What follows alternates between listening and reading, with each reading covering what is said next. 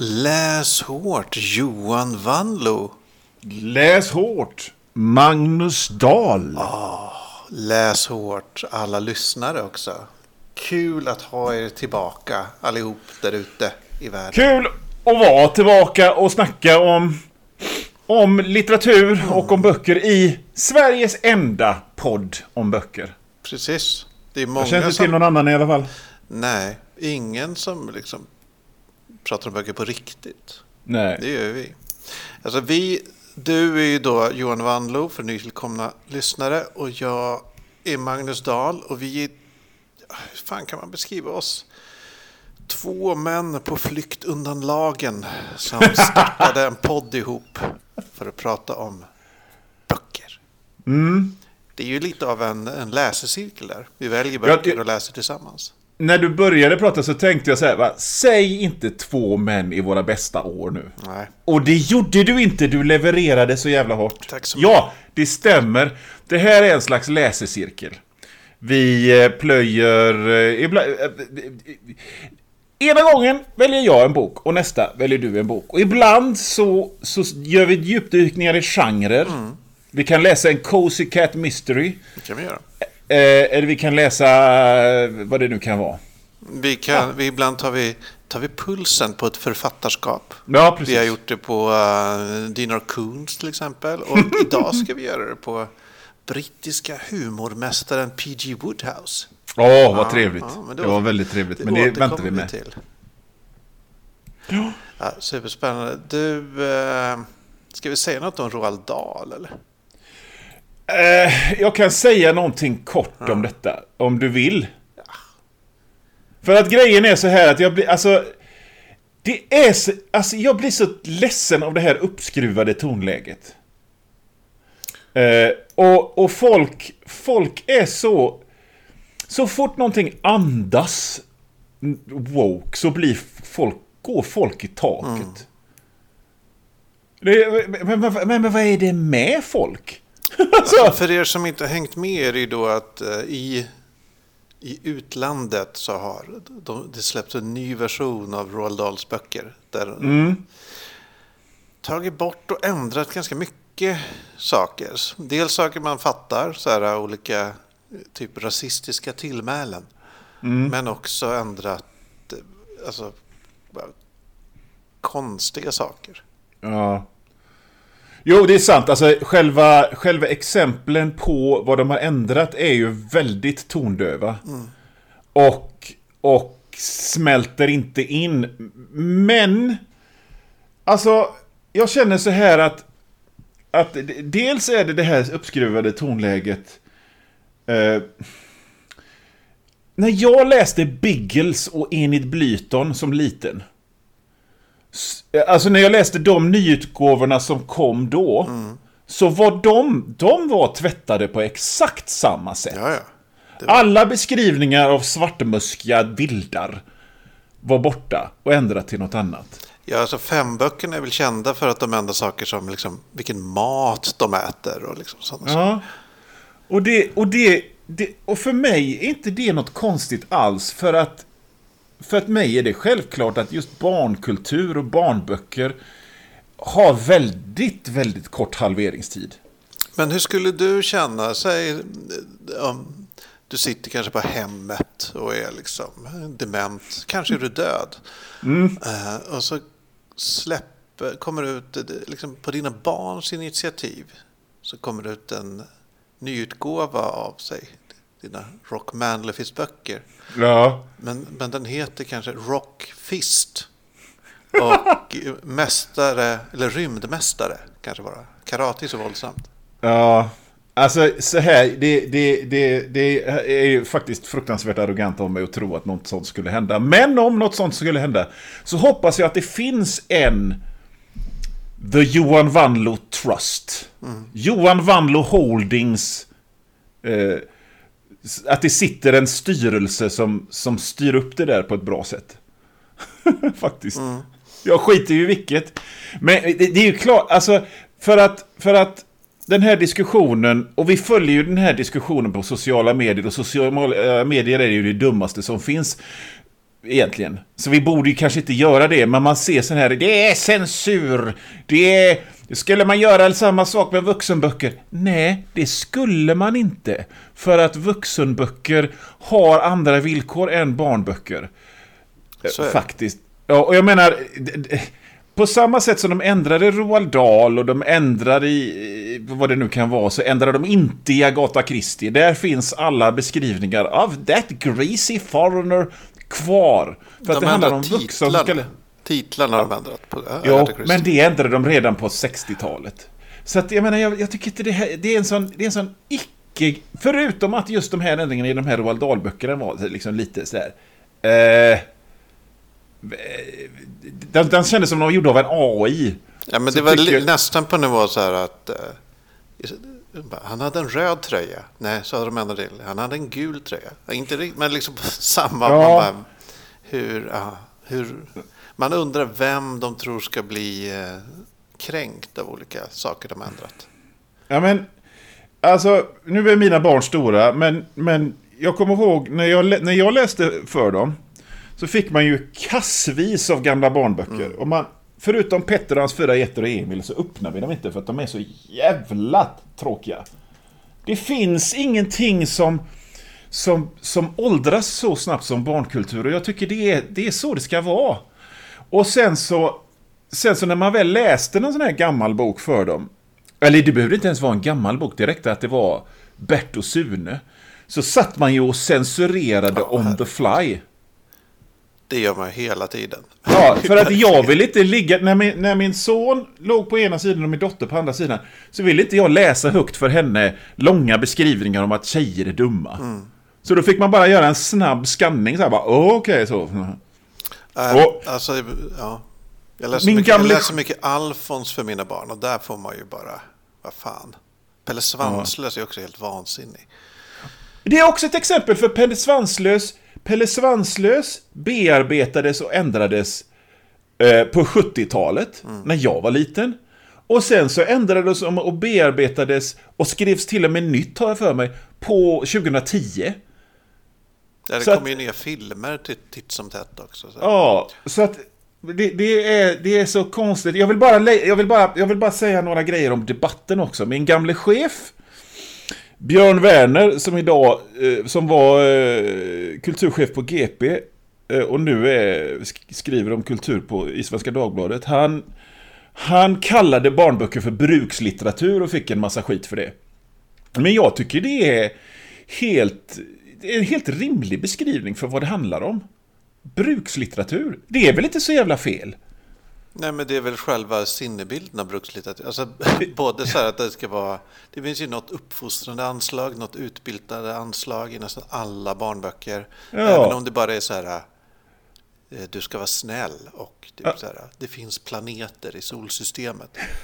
Så är Ja. det ju helt uppenbart. Det är inte bara så här sagor för sagornas skull. Liksom. Så Nej. har det väl alltid varit. Alla så här sedelärande gamla folksagor och grejer. Det är ju liksom... Ja, men, men det, så fort man nämner sådana här grejer så, så, så, så kommer det sura konservativa att "Ja, barnböcker är så woke och pekpinnar. Nej, men alla barnböcker har i alla tider varit inom citationstecken woke utefter sin tid. Ju. Du har aldrig haft barnböcker som har varit Man ska vara stygg! Utnyttja de fattiga. Förorena eh, vattendrag!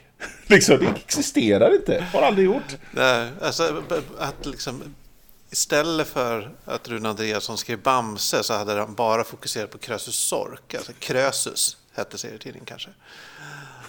Och bara handla om den här extrema nidbilden av en företagsledare. Ja, precis. Och det är bara liksom han... honom. Yes, han rev barnens pulkabacke. en elstation. Och så är det liksom, way. Där fick de. Ja, eller, eller liksom... Eh, eh, han öppnar, han öppnar en, en godisaffär och en tandläkaranläggning samtidigt. Bara hehehe, fri marknad, vad härligt! Är perfekt. Nej. Ja, Men, nej. eh, nog om Roald Dahl. Ja. Du, så här i eh, lågkonjunkturens... eh, kölvatten är väl det, vi är mitt i lågkonjunkturen. Ja. Har, vad har du läst på sistone? Ja, men grejen är, jag har inte läst så mycket. Eh, och det har, inte, det har inte med det att göra att jag inte har velat. Utan det är bara livet på något sätt. Eh, Jag, jag märkte det ut efter... Alltså jag läste färdigt boken vi ska läsa tills idag, igår. Och den, är, den var ju inte tjock på något, eller, eller svårläst. Utan det jag har bara inte... Alltså dels så håller jag på med uppföljaren till Supercoola Hjältegänget och det är jävligt intensivt just nu. För den ska vara färdig i april. Så att jag, jag sitter och ritar hela tiden, hela tiden på den. Och sen så är det bara, du vet, vi, vi bor i en fyra, vi är fyra personer och de är tonåringar nu. Så ett barn upptar vardagsrummet med sina kompisar där de typ gör läxor och, och pysslar med sitt lilla företag de har startat. Och, och det andra barnet är med sin partner och då sitter man ju och sitter kvar efter middagen och snackar med dem. Och Det finns liksom ingen plats att dra sig undan och, och, och läsa så direkt. Men jag tänker att det, det ändras säkert. Så att jag har fan inte läst nästan någonting. Jag ska kolla på min Goodreads om jag har läst någonting. Men ibland blir det bara så. Jag Ja. vill väl gärna läsa men det, det funkar fan inte just nu. Ja, jag vet. Jag vet hur det kan vara. Verkligheten kommer i vägen. Ja men det, var, det är verkligen verkligheten. Ja, men sen, sen går ju allt läsande tycker jag i, i skov. Men du, jag kan Sådär, berätta. Jag, jag hoppar in medan du funderar. Att jag läste ju Ja. klart Ted Williams senaste. Into the Narrow Dark. Mm. Som då är del tre i hans nya trilogi om Osten Ard. Som Ja. heter. Du, jag hör hur du snar, snarkar. Nej, Men det nej, är nej. väldigt intressant för det är ju så här. Han, började, han skrev ju klassisk fantasy-trilogi på 80-talet, 90-talet. Och sen återupptog han det, den, den storyn eh, så här 30 år senare. Och det spelas Ja. 30 år senare i världen också. Och jag har älskat del 1 och 2, de var fantastiska.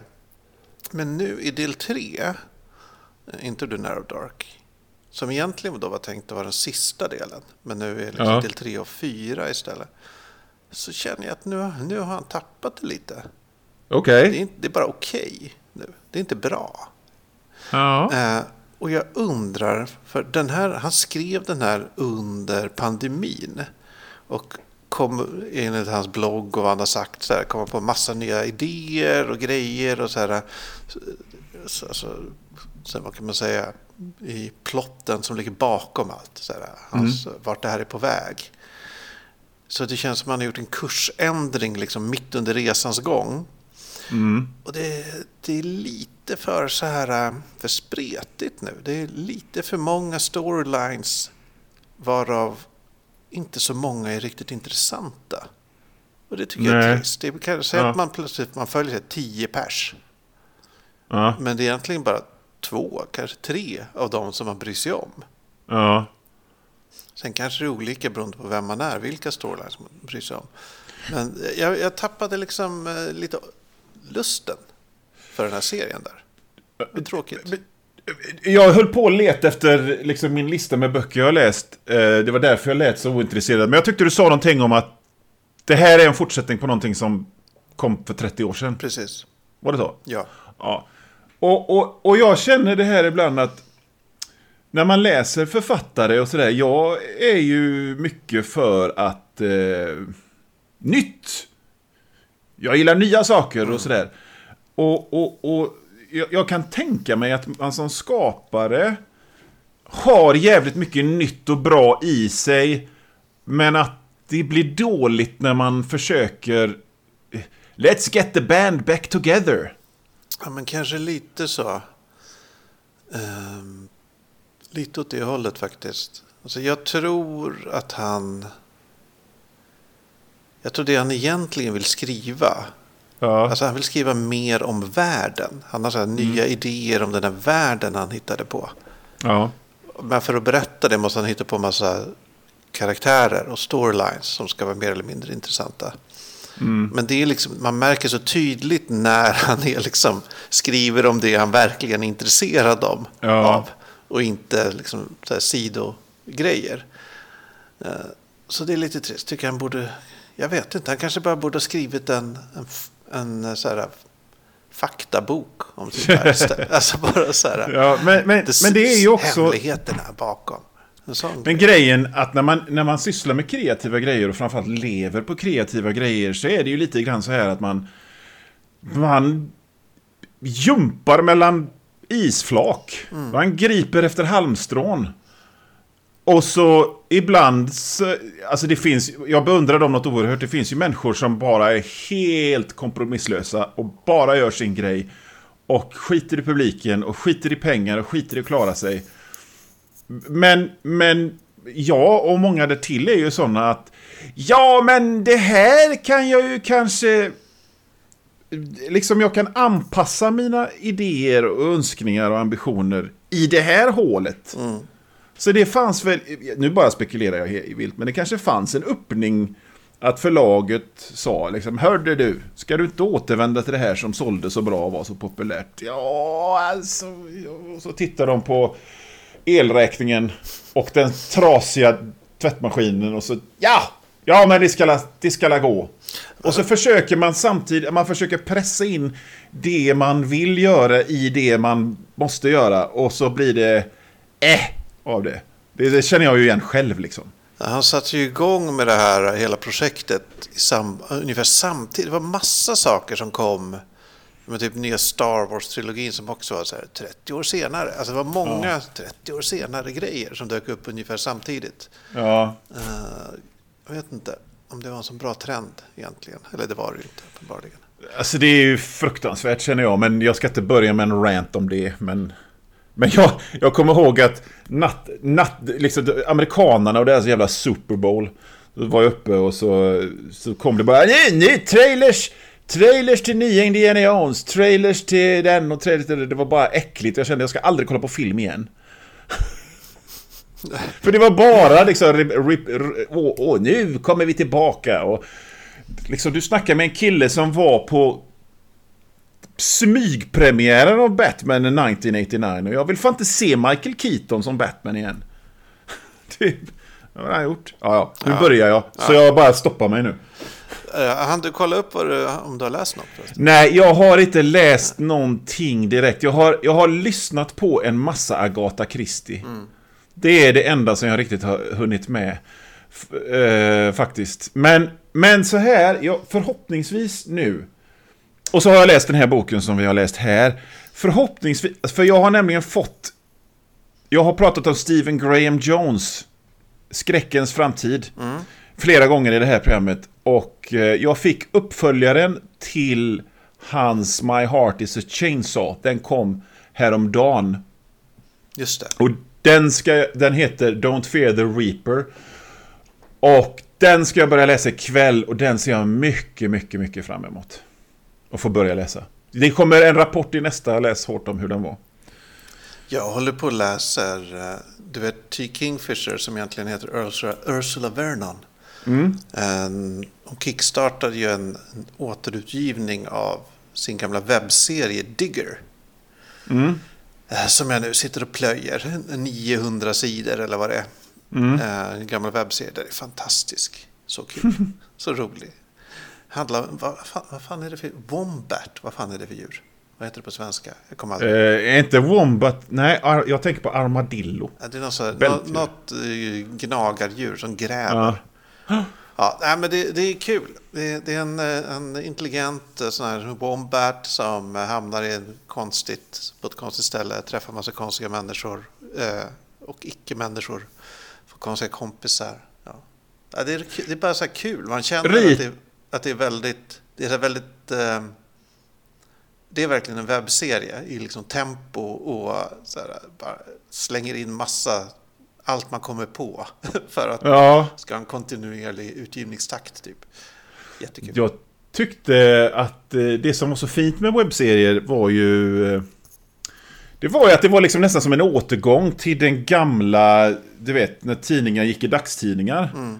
Det var, det var, det var en följetong. Nytt, ny, nytt avsnitt var tredje dag. Ja. Och, och så var det liksom dagstrippar och sådär. Men, men, men det, är så, det är så lustigt för att jag har tänkt...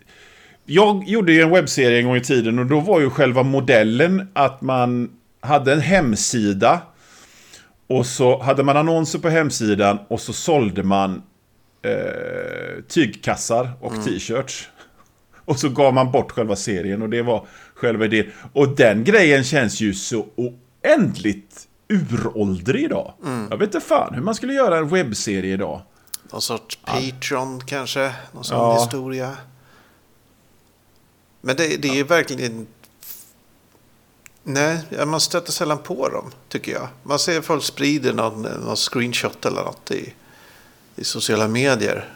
Ja. Men det är så här sällan jag går in på liksom Bob the Angry Flower hemsidan och kollar om det dykt upp något nytt. Nej, och jag menar... Eh, och jag, så, jag såg någon webbserie som delades och då var liksom... Det var, det var någon kille som satt i något hörn och grät. Mm.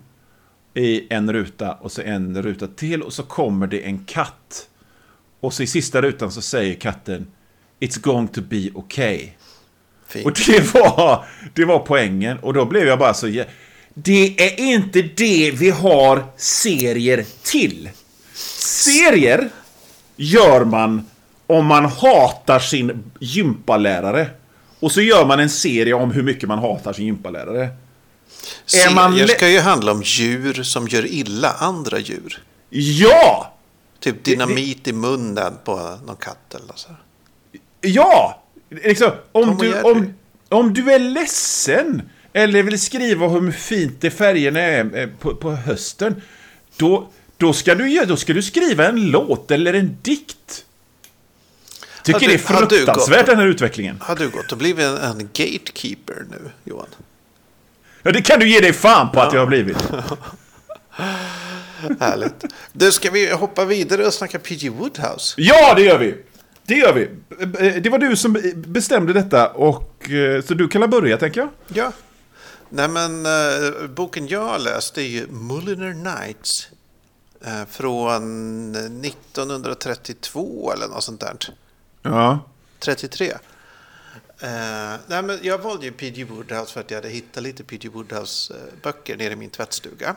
Just det. Apropå uh, inflation och liknande. Apropå lågkonjunkturen. Man, man liksom sparar där man kan. Ja. Eh, och jag har haft en, inte ett intensivt förhållande till P.G. Woodhouse genom åren, men alltså, han, han har alltid funnits där.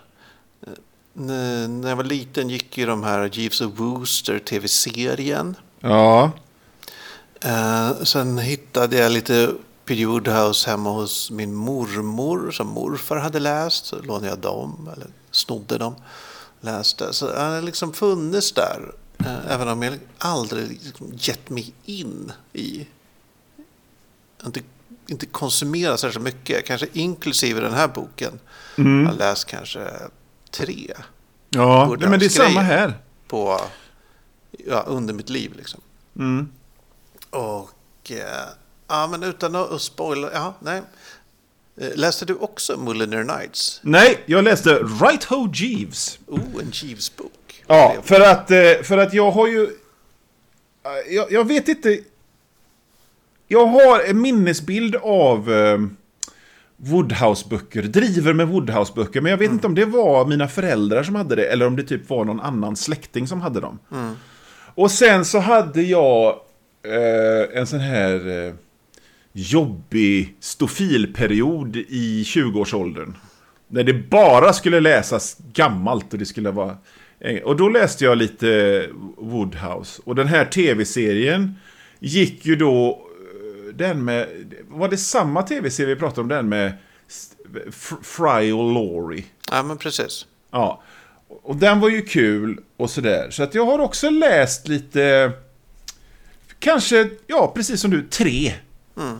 I, I, mina dagar. Och så... Och så... Eh, men jag, jag valde en Jeeves-bok och, och, och det, det, fanns ju, det finns ju jättemycket novellsamlingar men jag, ville, jag tog faktiskt en av romanerna för att jag mm, kände för att läsa en roman. Han har ju, var ju extremt produktiv. Han mm. levde länge och han skrev i princip ända tills han dog. Som mm. jag fattade. På samma sätt också? Ja. Och det, det är jag har två innan vi ger oss in i vad de här böckerna handlar om och sådär. Men eh, när vi läste Robert Sykes Denna sagolika tid Ja. så nämnde du att så här, eh, i inledningen där så uttryckte han sig som, jag kommer inte ihåg vad du sa, men typ någon, någon gammal överliggare i Lund som har pluggat för mycket och är så här, Ja. oh, du, och liksom inte kan säga något rakt ut utan Nej. allt är så här, eh, men så här, åh så charmant, alltså liksom bara, sånt snack. ja. Eh, och, Hur är läget? Jag stuvas i min egen sav! Exakt, så sa du. Och nu läste jag den här Mulliner Nights. Och det var ju en hel bok med bara sånt språk. Alltså det var ju bara liksom någon som har lite för många akademiska poäng, någon som bott på studentkorridor lite längre än vad som kanske egentligen är tillåtet. Ja. Eh, och varit väldigt engagerad i kår och spexliv. Ja, visst. Hur, hur, eh, hur, hur, hur tog du dig igenom det här? Det bra? Hade Ja, alltså, jag måste säga att jag tyckte, jag tyckte att det gick... Läs, du, du, du läser den på engelska, antar jag? ja. Jag vet inte, alltså jag har ju en fäbless för just den där ty- Alltså jag gillar ju upper class twits. Som pratar på det där sättet. Eh, och jag tyckte att det, det, det, det rann ner mycket lättare det här språket i det här sammanhanget. Än, än många andra gånger. Det kändes inte forcerat. Det kändes naturligt. Som det bara rann ur fingrarna på honom. ja det, han har ju inte lagt sig till med ett språk han inte behärskar. Nej. Det, det, man får ju verkligen intrycket av att så här, ja, men, så här pratade han. så här tänkte han. Ja. Och det gjorde han säkert eftersom Ja. han skrev så här så otroligt mycket. Ja. Eh, ja, dels, dels var det det jag tänkte, men Ja. också eh, så förstår jag, efter, det här är en novellsamling som jag Ja. läst, eh, Mulliner Nights. Den innehåller väl sju noveller som handlar om Mr Mulliner. Och handlingen är att Mr Mulliner står i eh, baren på ett ställe som heter Anglers Rest, alltså någon pub tror jag. Och där berättar han anekdoter om olika släktingar för de andra gästerna. Så här, ja men åh, kul att jag säger det där, då ska jag berätta om min kusin eh, Lucy Pont. De har, alla har jättekonstiga namn eh, som var med om ditten och datten. Eh, och det är superkul i början. Men sen blir det lite mycket. Alltså när jag, lä- när jag läst kanske fyra av de här novellerna Ja. så börjar jag fatta att det, här, det är det här som är anledningen att jag inte bara slukat Woodhouse genom åren. Ja. För det blir, det är så otroligt mättande att bara läsa en ja, sån här bok. Det är så intressant att du säger detta. För att när jag hade läst cirka 40% av boken så kände jag Alltså det här, varför, varför läser jag inte mer det här? Det är ju helt underbart. Ja. Det är en miljö jag tycker om. Och det är liksom, språket är lätt. Och det är humoristiskt utan att det är skämt. Men en bit in så märkte jag liksom att eh, det blir lite det blir lite mycket för att, för att jag läste ju alltså en hel roman och och Alltså, den, den skulle, jag kände någonstans i mitten att den skulle bara kunna hålla på och hålla på och hålla på och hålla på. Det spelar ingen roll vad som händer. Det är bara härligt. Men på samma sätt så, kan, så kände jag också att, men behöver jag läsa färdigt de sista 40 sidorna egentligen? Nej. Nej. Det behöver jag inte. Men, men det är ju, han har ju ett grepp eh, och, och, eh, som, som kanske gör det lite svårt att hänga med ibland. Och det är ju att, i alla fall i boken jag läste, eh, Right Ho Jeeves från 1934, så allt som händer beskrivs genom dialog. Det är två personer som berättar vad någon annan har gjort. Eh, Ja, men så är det inte i den här. Nähä, okej. Utan här är det, det är en monolog och det är mycket beskrivande. Och sådär. Och, Mm. Nej, så inte riktigt så. Okej. För här är det mycket liksom, Bertie pratar med Jeeves och eh, vad hände med Finknottel? Jo, han, eh, han fanns i en tillfällig sinnesförvirring och gick ner sig i dammen på jakt efter finkar. Alltså, så där är det hela tiden. Och då blir det lite svårt att hänga med, för det blir liksom en massa namn och sådär. Mm. Ja, det alltså enda det action... Är, alltså okay, i, I grunden så är det ju samma i den här. Eftersom ja. ramberättelsen då är att Mr. Mulliner står och berättar om andra personer och vad de gör ja. och säger. Ja. Så ja, helt olikt är det kanske inte. Men det är inte så och, att jag reagerar på det.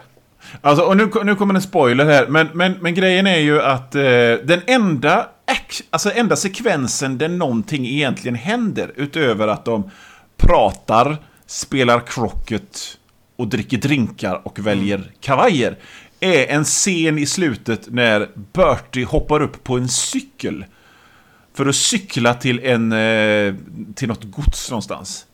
Och det är lite bråttom. Mm. Det är den enda liksom, raka beskrivningen av någonting som händer egentligen. Så, det är den enda actionsekvensen. Och den är i slutet. Men vad handlar boken om? Hur, ja, men boken handlar om... Eh, eh, Bertie är en eh, överklassbritt som alltid är på gott humör. Och eh, han har, en, han har en butler som heter Jeeves. Och Jeeves är en övermänniska.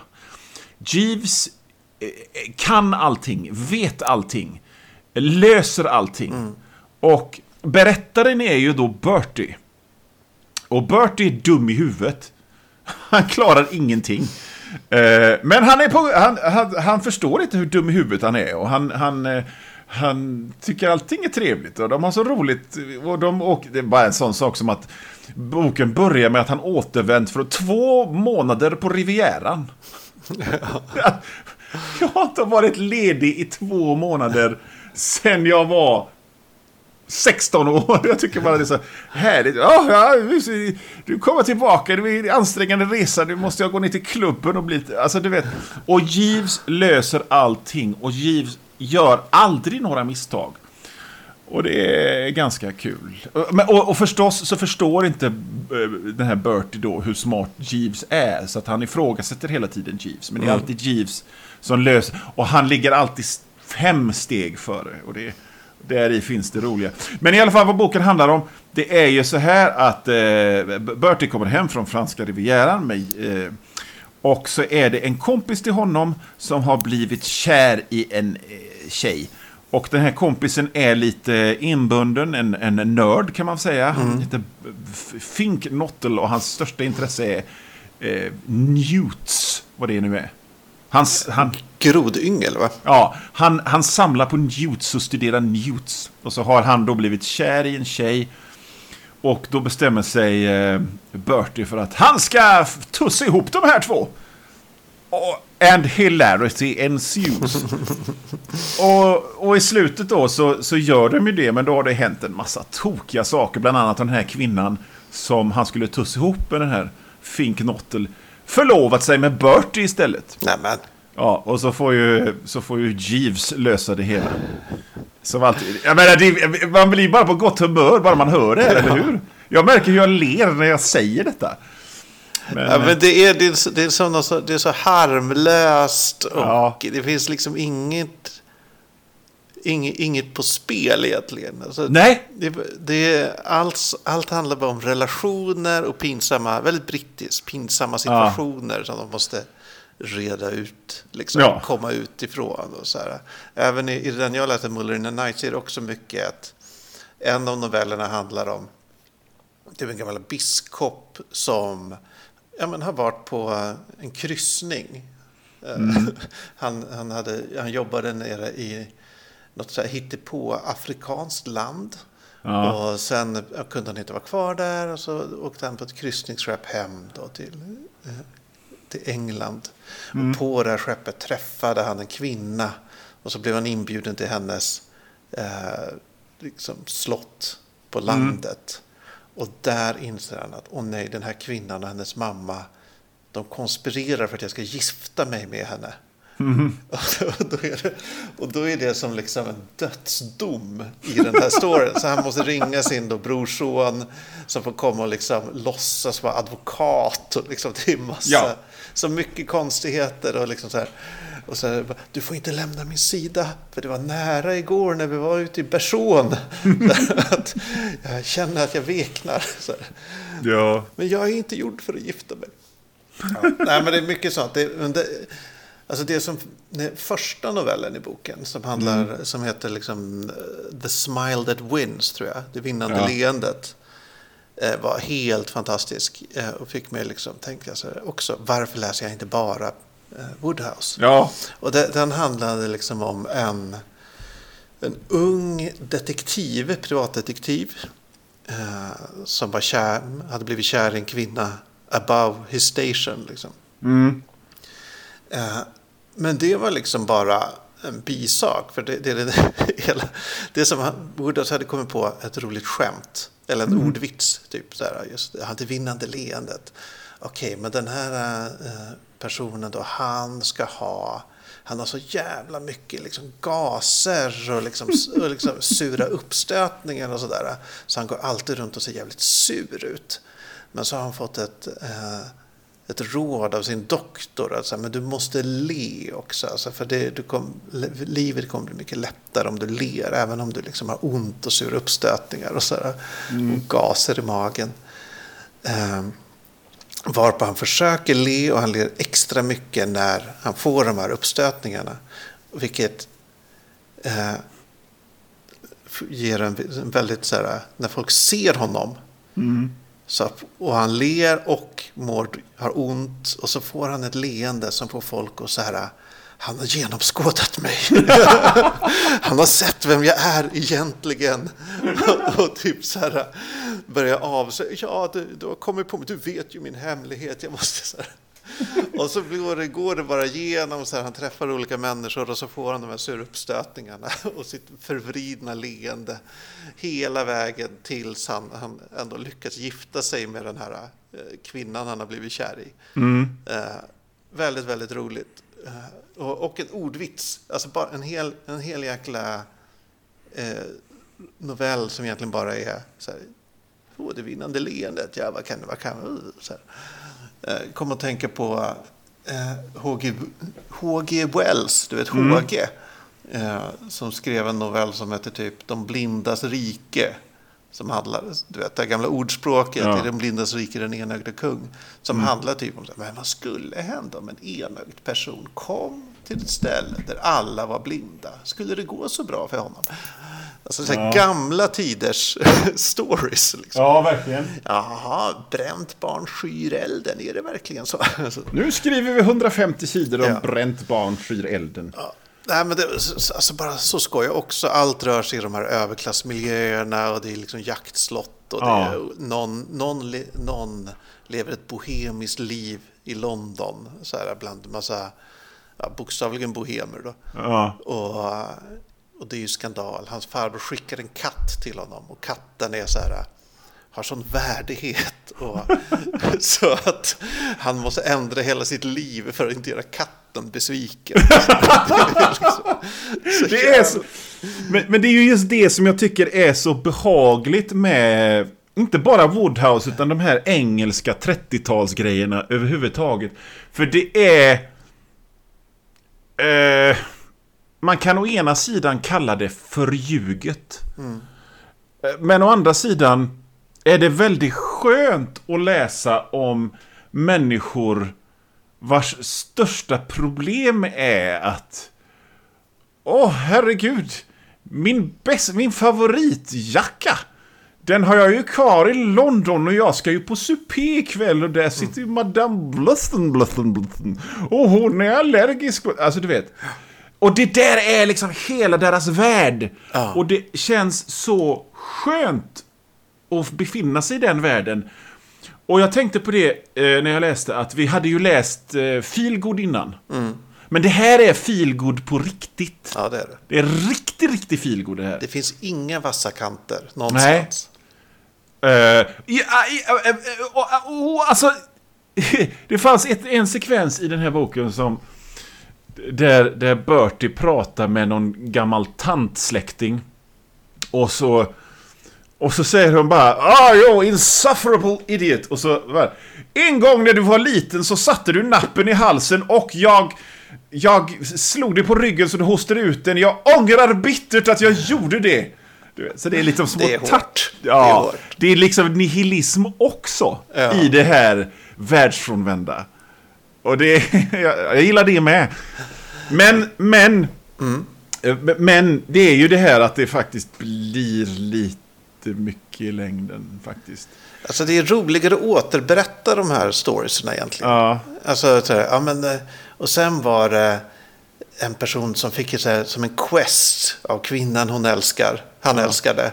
Och det questen var så här, han måste hitta eh, jordgubbar till henne. Ja. Men det är ju mitt i vintern. Hur ska det gå till? Åh!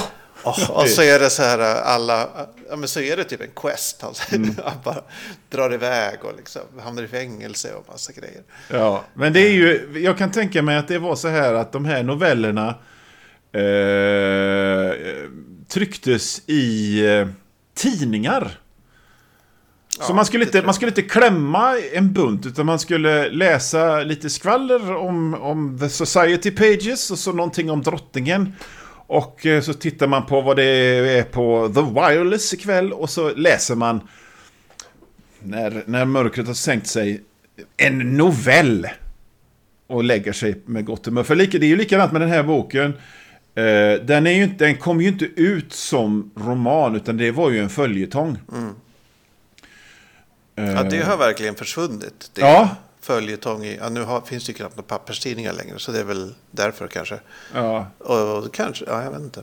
Men jag vill bara säga en sak till om Mulliner Nights och tydligen alla de här. Han har skrivit ett gäng Mulliner-böcker. Eller Ja. det finns ett gäng samlingar i alla fall. Och det är ett så otroligt konstigt stilgrepp. I den här ramberättelsen där Mr Mulliner står och pratar med folk på krogen och berättar om sina släktingar. Så refererar, alltså alla, alla andra än Mr Mulliner beskrivs bara med vad de dricker. alltså, så här, att, alltså bokstavligen står det så här. Uh, Tally ho, said a pint of bitter. Eller så här. Och där kom en eh, liksom vodka lemon gående. Och, alltså att det, det är så otroligt konstigt. A glass of white laughter. Så här. Jag fattar inte vad, det, vad grejen med det är. Att det bara står... Det står inga namn, inga beskrivningar. Det står bara vad de säger och, och så refereras det till dem som vad de nu dricker. ja. En whisky sour sa. Jätte, jättekonstigt. Men eh, kan inte det vara lite det här, det här eh, Englands besatthet av, av klass och hur man ser ut och, och sådär? Ehm, Jo, någonstans. Att- Att, ja, någon som dricker det är sådan. Och, nå- och det vet alla. ja men precis så, som att någon, en, om, idag skulle det vara så här, okej, sa en vodka Red Bull. eller, så, eller sa en eh, Negroni. Kan vara, för det är ju väldigt svårt. Den här är ju från 33. Och det känns ju inte som så länge sedan, men det är ju snart 100 år sedan. Ja. Och det är svårt att veta så här, vad är ett skämt ibland och Ja, vad ja. är bara, men som alla heter så konstiga saker. Ja. Man bara, är att någon heter Lady Alice von Huppelnuppeltuppel, Ja. är det ett skämt? Eller är det bara ett helt vanligt namn? Ja, inte. precis. Och vissa saker är så här, jag var tvungen att Eh, speciellt när det gäller pengar och sådär var jag tvungen att kolla upp flera gånger. För det var en, en passage där huvudpersonen, eh, eller någon av de här kusinerna han berättar om, eh, spelade bort 20 pund under en liksom, diligensritt. Ja. Eller så här, bara en kort transfer från järnvägen till huset han skulle. Spelade bort 20 pund på typ, ja, men typ så här, finns i sjön eller typ något sånt spel. Ja. Alltså jättebasic barnkortspel. Ja. Och då var jag så här, vad fan, 20 pund, hur mycket var det liksom 1930? Jo, men det var liksom 20, motsvarande 20 000 spänn. Så han, spelade bort 20 000 spänn på typ vänd 8 eller Svarte Petter under en, under en så 10 minuters diligensresa. Det är så jäkla konstig grej. Och bara Ja. flika in helt okommenterat. Ja. Jag blev lite nyfiken på vilken publik som läste de här. Om det var den klass som skildras i böckerna. Mm. Eller om det var den engelska medelklassen eller arbetarklassen som läste det här. Eller om det, om det fanns någon crossover mellan det. Mm. Eller om det var sådär folkligt som fan. Det är en bra jag fråga. Jag gissar att det finns svar på det någonstans. Men jag kan det ja. inte. Nej, mitt svar på den frågan är ju att eh, jag, jag, tänkte, jag tänkte på serier, tv-serier från 80-talet. Mm. Och alla tv-serier handlade om Jag är miljardär och privatdetektiv. Just det, Par och, hjärter, kommer du ihåg det? Ja, mm. och, och ähm, det satt, ju, satt man ju i sin arbetarklassvilla och kollade på. Jag vet mm. Dålig spaning. Ja, men, men vi, vi, vi kan väl säga så här att vi blev grundligt underhållna av P.G. Woodhouse, men det dröjer innan vi läser honom igen. Det gör det. Kanske om tio år igen. Ja. För jävla vad mätt man blev. Ja. Och en sista kommentar, jag vet inte hur det var i din, men för att vara skriven av en vit brittisk överklassmänniska på 30-talet. Mm. Väldigt lite så här uppenbar rasism och sådär. Visst, det förekommer ju inte särskilt många icke-vita eller så överhuvudtaget. Men det känns som att när någon, den här farbrorn som var biskop i Afrika, ja. där kunde det ha vävts in mycket liksom, grejer. I, alltså jag har ju på sista tiden läst rätt mycket Agatha Christie som sagt. Mm. Och jag har under min, min läskarriär och stofilkarriär läst väldigt mycket så här eng engelska äventyrsromaner som är samtida med den här. Mm. Och där kan de... Jag menar, där kan de ju fan inte låta bli att vara rasistiska. Uh, hela tiden. Mm. Biggles sköt sex av vildarna tills han inte längre orkade. Alltså du vet. Man häpnar ju. Så, så, du har rätt i det. Det var inte det att jag reagerade på det medan jag läste det. Men nu när du säger det så är det, det är väldigt... Det är väldigt lite rasism i de här i, i Woodhouse. Men det, det kunde ha varit. Och liksom även de kvinnliga karaktärerna. Alltså det är väldigt mycket så här. Det är inga våp liksom. Alla är väldigt gör saker. Och, ja. och liksom inga konstigheter liksom. Nej. I, I min bok så var det antingen så var det eh, alla sådana här unga söta tjejer som männen blev kära i. De, de, de, var antingen sådana här nihilistiska och slappa. Bara, Åh herregud, väcker du mig halv två? Mm. Jag, ge mig en, en Bloody Mary till frukost. Eller så var det så här, eller så var de så här eh, friska och sunda och spelade tennis och tog på sig stövlarna och, och knäckte nacken på en ripa. Eller så var det så här eh, paranta tanter. Så det var ju väldigt, väldigt fart på dem eh, allihop. Och alla männen, när man tänker efter, förutom Jeeves, är ju rätt Eh, ja, de initiativlösa och körkade. Mm. Men alls, så här, allting som händer i de här böckerna, är ner från vad som sker ner till hur meningen är uppbyggd är ju avsedda enbart för att vara underhållande. Mm. Och det är ju underhållande med, med, med arga tanter och, och, eh, eh, veka, dumma människor. Det är det verkligen. Det är, jag tänkte på det, vi pratade om Roald Dahl förut och det var, jag för mig att det var beskrivningar av någon som var tjock i Kalle och chokladfabriken, som att det skulle liksom tas bort. Och då tänker jag på, åh herregud, kommer de efter mig sen? För att det finns ju ingenting som, som är... Alltså jag, det finns en anledning till att jag alltid ritar mig själv jättetjock och det är ju för att tjock lika med roligt. Ju. Ja, du står nog på någons lista, det tror jag. Ja, det tror jag nog. Jag, eh, det är ju tur att jag har den här lilla plattformen när jag blir cancellerad i, om ett halvår.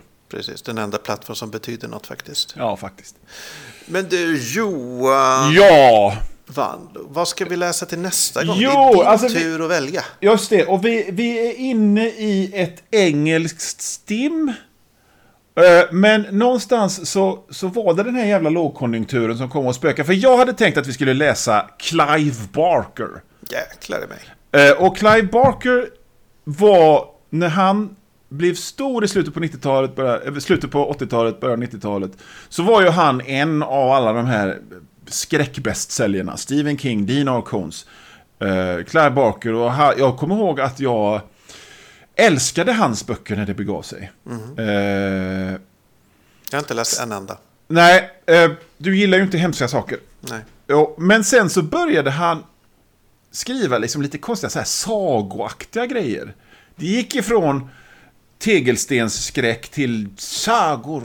Och jag bara, nej jag tappade. Och idag är det ingen som pratar om Clive Barker. Alltså jag, visst, Hellraiser har fått en nyinspelning. Men, men det är ju ingen som pratar om Clive Barker i det sammanhanget. Och han håller Nej. väldigt låg profil. Och jag har kollat upp det här och det kommer en... Han skriver en bok då och då, men han är ju inte en Hans akt, jag, jag vet inte varför, men han typ försvann. Men, och här kommer vi till det här med lågkonjunktur igen. När jag kollade på, på böckerna så, så här, jag betalar fan inte 13 dollar för en Kindle-bok. Nej. Allting var svindyrt, så jag tänkte... Så nej. jävla dyrt nu. Ja, så att vi hoppar Clive Barker tills vi... Tills det blir billigare, tills vi hittar dem på någon rea eller någonting. Jag kanske Och- hittar några nere i tvättstugan nästa gång. Tror jag inte. Men, men i vilket fall som helst så, så tänker jag så här, ja men då läser vi väl en annan skräckförfattare som var stor en gång i tiden. Så att till nästa avsnitt så ska vi läsa eh, Graham Mastertons The Manitou. Känner inte till varken titel eller författare. Nej, han var, han, eh, eh, jag tror inte att han, eh, han var en av dem som, alltså i Stephen Kings kölvatten så, så, så, så blev ju skräck, skräckpulp stort. Och då var det väldigt många som bara följde med. Och, och eh, Graham Masterton var en av dem som också är helt bortglömd idag, men som fortfarande skriver och sådär. Eh, och jag minns att då när jag var en skräckdiggande liten dum pilt så, så, eh, så såg man hans namn hela tiden. Och det finns till och med en filmatisering av just den här The Manitou från tidigt 80-tal. Så att, så att, men det, det var bara en ekonomisk fråga. Jag är snål, så istället för Clive Barkers The Hellbound Heart så ska vi läsa The Manitou av Graham Masterton. För att... Jag, jag fattar inte vad titeln är. The Manitou. Ja. M-A-N-I-T-O-U. The Manitou. Är det ett ord? Eller vad fan är det? Ja, det, jag fattar det som att det är någon slags ande. Jaha, okej. Så den ska vi läsa. Japp, vi får se. Alltså, jag, jag är kul med en författare jag aldrig hört talas om. Eh, det, är, det är så mycket jag kan säga. Läskigt med skräck. Kul med nytt. Ja, Vi, vi får se Johan. Vi får se. Vi får se. Ja, slutet av mars. ja precis. Jag, men, men grejen är, jag, har- jag har velat läsa, jag kommer ihåg när jag, när jag, när jag, när jag satt på Amazon och bara, jaha, men vad kan, vad, kan vi, vad kan vi ta som är billigt och kort? så, så, jaha, men, ja, men Graham Matt, ja, vi, vi tar den här. Så var det bara, för jag ville läsa den en gång i tiden, sådär, när man såg den på omslaget i Fangoria och sådär. Såklart. Ja, nej men eh, kul. Och med det, när det, nu är det sagt. Alla vet vi ska läsa The Manitou. Av någon som heter Masterson. Graham Masterton. Just det. Så då säger vi läs hårt. Right ho, Magnus!